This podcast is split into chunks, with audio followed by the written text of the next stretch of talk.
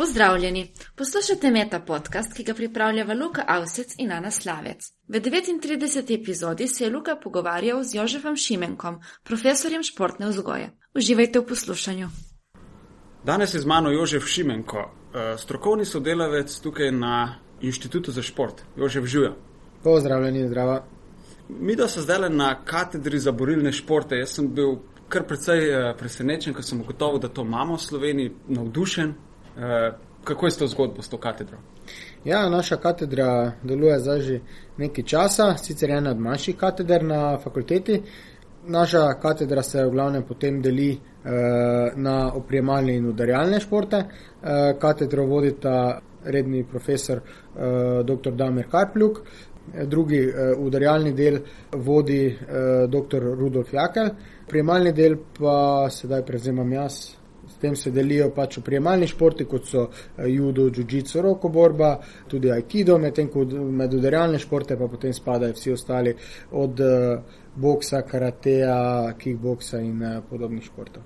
No, predvsem te oprijemalni športi, slovenski športniki dosegajo vidne rezultate na svetovnem olimpijskem nivoju. Ne? Zato je najbrž prav in pravočasno, da, da taka katedra začne pridobivati na, na veljavi in na pomenu tudi v sklopu študija športa. Ne? Ja, se strinjam. Eh, pač rezultati vedno so plot nekih, kako že rekel, dobri, dobrega trenerskega dela. Dobri trenerji pa so ponovadi tudi, eh, če hočejo biti dobri trenerji, morajo biti dobro izobraženi. Ne? Tako da v tej smeri je tudi zelo pametno, da se naša katedra razvija, pridobiva na veljavi, tako kot ste že omenili kajti samo s tem bomo lahko še bolj dvignili samo kvaliteto in da zadržimo te naše športnike, študente, ki mogoče več ne bojo nadaljevali karijere kot profesionalni športniki, ampak lahko to svojo, kako že rekel, ljubezen, strast, znanje v svojem športu nadgradijo in usmerijo v trenerske vode.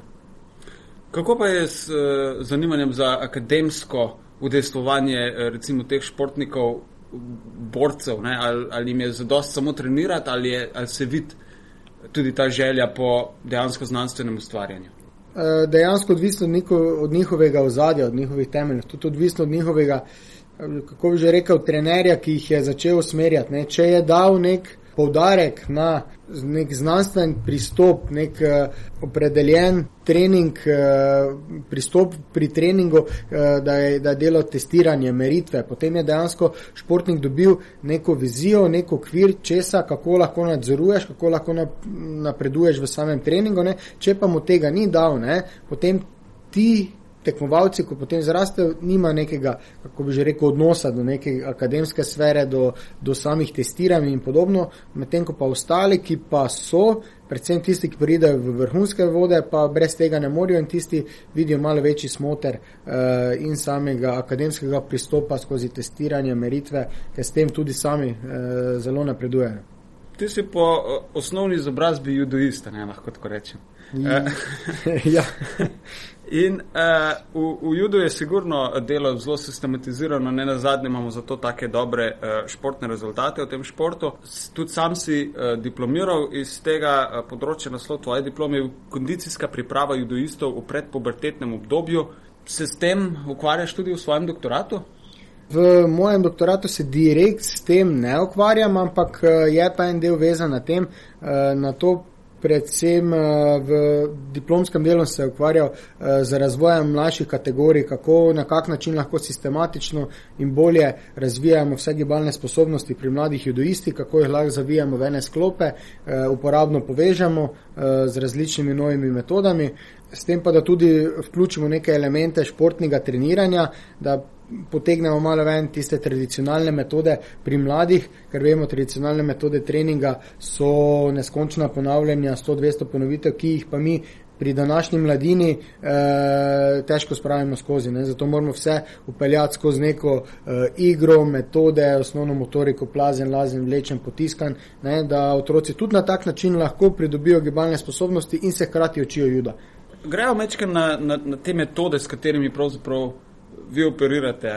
Ko, ko gremo testirati šport, najbrž ni tako trivijalno, da postaviš preizkuševance v vrsto, pa jih udaraš, pa gledaš, kako daleč letijo. Kakšne so zdaj te metode, kje stvari merite? Ja, uh, mi ko merimo, ne, uh, merimo uh, pri vsakem športniku, uh, imamo več komponent. Ne, uh, v športu, ki jih merimo načeloma, se merijo različne gibalne sposobnosti.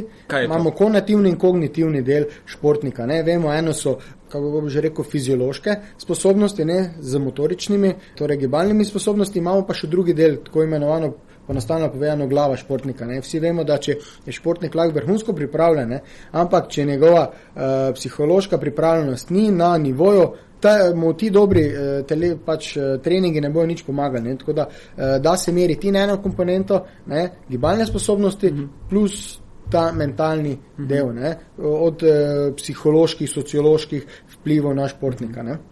V tvoji obsežni bibliografiji so članki z zanimivimi naslovi, kot recimo primerjava morfoloških in fizioloških značilnosti specialne enote slovenske policije in ameriške specialne enote SWAT. Ne? Kaj si recimo meril v taki raziskavi? Ja, v tej raziskavi smo dejansko primerjali našo specialno enoto slovenske policije, smo jih izmerili, da smo videli njihov gibalni status smo ga, in smo ga primerjali dejansko, da vemo, kje naši eh, dejansko specialni policisti eh, stojijo glede gibalnih njihovih zmožnosti in smo jih primerjali z eno drugo študijo, da, smo, da, da so oni imeli neko samo kontrolo, če imajo njihov izborni postopek, če je dober za kandidate glede eh, fizioloških komponent, ne, če je njihov trenažni proces treninga dober, če jih dobro urijo te mhm. kandidate in potem so dejansko videli, da so naši kandidati glede telesne pripravljenosti uh, daleč pred uh, temi ameriškimi svatovci. Torej, so dobili eno zelo dobro potrditev, da delajo dobro, da je izbor dober in da tisti kandidati, ki na koncu postanejo člani specialne enote, so res vrhunsko pripravljeni. Ja. Kakšne, dej, probaj konkretno, ne? kakšne stvari se to meri, kaj tek na 100 metrov? Vedno, vedno se pogleda neko, kako bi že rekel, funkcionalno zmogljivost, kaj oni morajo delati. Torej, njihov potek so naprimer uh, eh, vdori stanovanja, hitre posredovanja do minute, dve minute. Ne?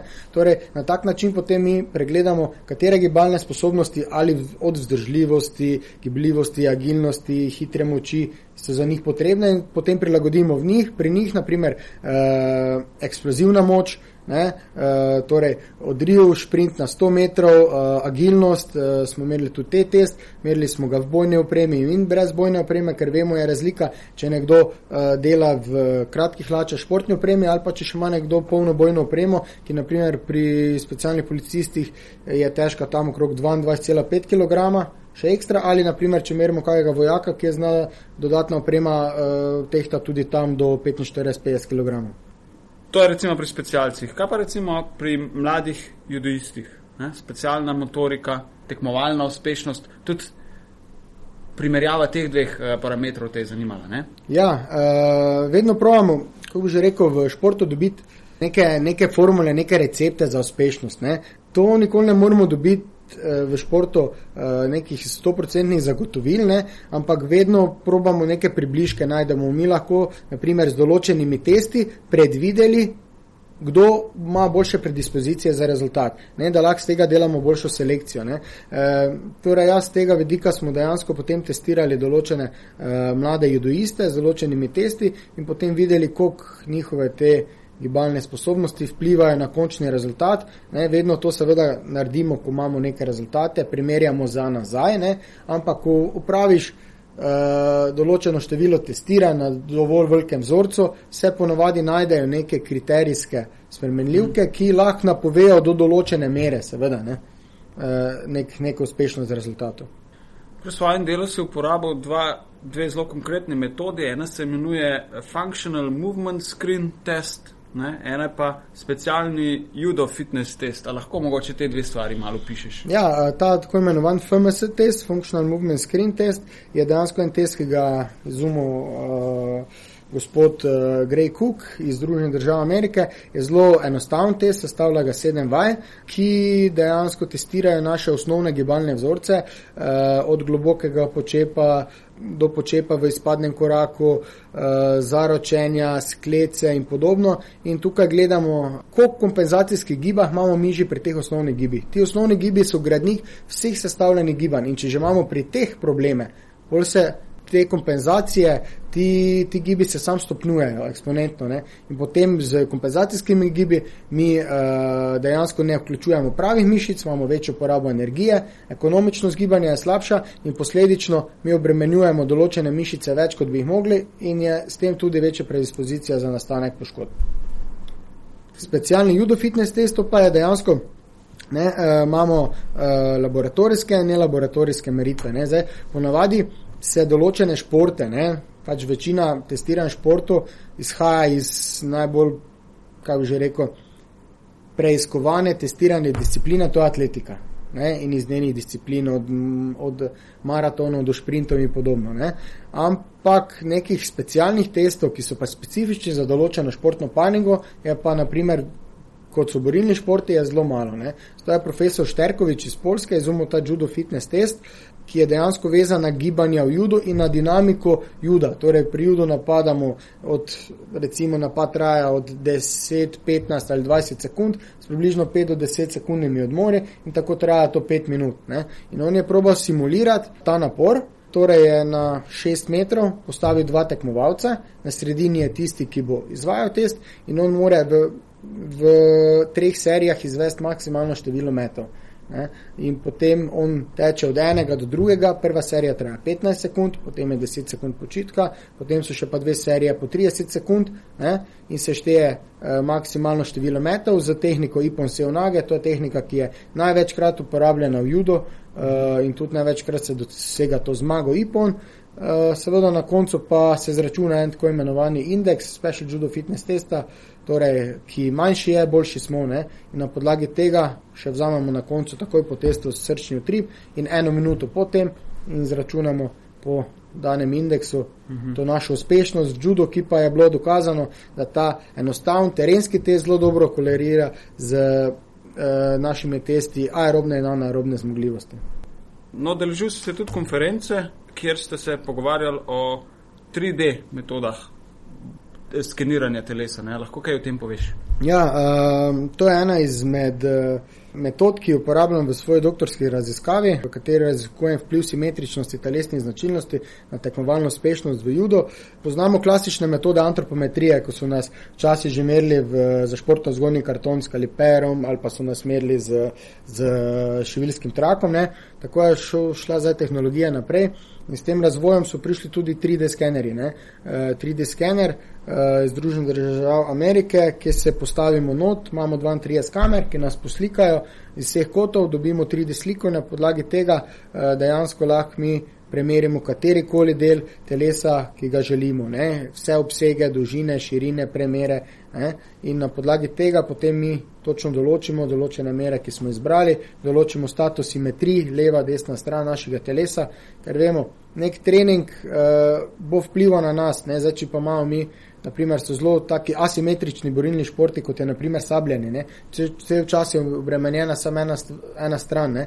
In potem vedno pride do nekih nekih razlik v telesnem razvoju, ki mogoče za šport so dobre, za samo zdravje športnika pa ne. In s tem pravimo mi zasledovati neke trende uh, razvoja telesa skozi skoz trening. Tako mašino imamo v Sloveniji? Ja, imamo na fakulteti, jo imamo, uh, smo kar srečni, je kar uh, dokaj draga, moram reči, da se vedno bolj uporablja. Koga vse si vtaknil že v to mašino? Uf, pa, Uh, smo že imeli od naših študentov do srednje šolcev, ko pridajo, do študentov tekstila, do študentov biotehnične fakultete, od borilcev uh, do kolesarjev, v glavnem praktično. Skoraj vsi, ki pridajo na našo fakulteto, se zmeriti zraven telesne sestave, naredimo še en tak antropometrični status. Prebral sem tudi tvoja raziskava, da uh, so judoisti še posebej simetrični. Ne? Ja, moram reči, da ti, kaj sem jih jaz zmeril, pa je bil dokaj, kako bi že rekel, vzorec, ki je vseboval uh, vrhunske judiste ali tiste, ki res resno trenirajo. Sem tudi sam bil presenečen, da so te simetrije bile uh, tako majhne. Uh, mislim, tako velike, uh, da niso bili asimetrični, kar je samo dober znak, da dejansko naši trenerji, moram reči, uh, delajo, delajo dobro pisal si tudi samo o tem, ne, da bi priporočil sigurno treniranje juda za otroke in mladostnike. Um, da, to pa definitivno. Saj uh, judo prvo kot prvo je šport katerega krasijo zelo raznovrstna gibanja. Predvsem glavna osnova je, naučijo se otroci pravilno padati. Ne. Padanje to je kot neka vožnja s kolesom, ko se enkrat naučimo, znamo. Ne. Padamo vedno celo življenje. Ne. Vsaka poškodba, ki jo idemo zaradi nekega paca, da dobro odreagiramo, je dobrodošla ne samo za nas, tudi uh, pri zdravnikih je manj gužve. Ne. Tako da že z tega vidika za otroke to zelo primerno vemo, otroci, ko so majhni, vedno padajo uh, kole, od, koles do raznih park, igral, kolikrat smo padli na kolena, roke. Um, tako da, če ni to potrebno, dajmo se izogniti. In v judu se to zelo dobro naučijo. Plus, kaj se naučijo, zraven tega red, disciplino, predvsem pa se naučijo vstopati v ta osebni prostor drug drugega, ki je dan danes, eh, eh, kako bi že rekel, vedno bolj pomemben ne? in skozi neko tako igro, skozi neko borbo, otroci dansko izgubijo ta strah, ta občutek in uh, jim ni problema. Ne? Predvsem pa pridobijo na samozavesti, dobijo delovne navade uh, in znajo se, kako bi že rekel, postaviti same zase. Hvala Bogu, pri nas še ni tega bullyinga, kot je znan v tujini, ampak uh, judoisti načeloma s tem nimajo problema. Uh, lani je pri reviji Šport išla zelo obsežna, mislim, da okrog 70-80 strani dolga priloga o borilnih športih, ki si jo tudi ti urejal. Sam imaš tudi dva prispevka ali tri noter. To je zelo zanimiva priloga in jo vsem priporočam v branje. Med drugim je v uvodniku izpostavljen uh, na ideja, da smo glede borilnih športov v Sloveniji že zdavnaj presegli tisto idejo, da, da se borilnih veščin ali pa športov grejo učiti ljudje, ki so po naravi nasilni ali pa da sami treningi teh veščin vzbujajo uh, agresijo v ljudeh. Meni se zdi, da v javnosti mogoče to še ni čisto preseženo ali kako. Ja, jaz bi se tu, tu mogo delno z vami strinjati. Eh, še vedno mislim, da je neka paradigma borilnih športov, da res to pa so sami tako imenovani razbijači. Ne?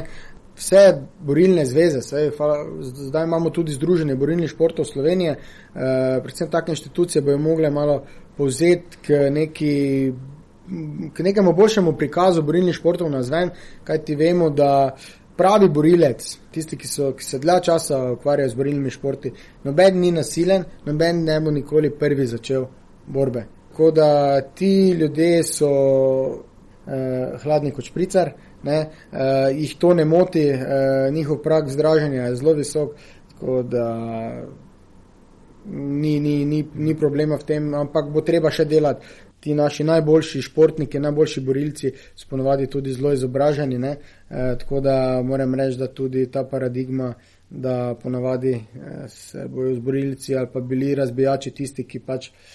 Tem najmanj vejo. Ja, tam, tem najmanj vejo, to dejansko ne drži. In, -huh. uh, tudi s tem bomo mogoče lahko dvignili neke renome borilnih športov na malo više. No, sigurno bo vsakršno tudi znanstveno, akademsko ustvarjanje ne, na tem področju k temu premoglo. Jaz sem zelo zadovoljen, da na fakulteti za šport to delate. Me pa zanimajo recimo tudi ostali eh, vidiki, recimo zgodovinski ali pa antropološki vidiki. Kaj recimo z zgodovinskimi evropskimi borilnimi veščinami, ne? kaj je s sablanjem, še, še generali v drugi svetovni vojni, se mi zdi, so imeli ja. vsi.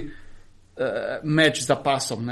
Kje, kje so te veščine? Ja, te, te starejše veščine mm, so malo, predvsem v našem slovenskem prostoru, eh, šle v pozabo, so določeni klubi, društva, ki se s tem ukvarjajo, pa da to ne bojo postale pozabljene veščine.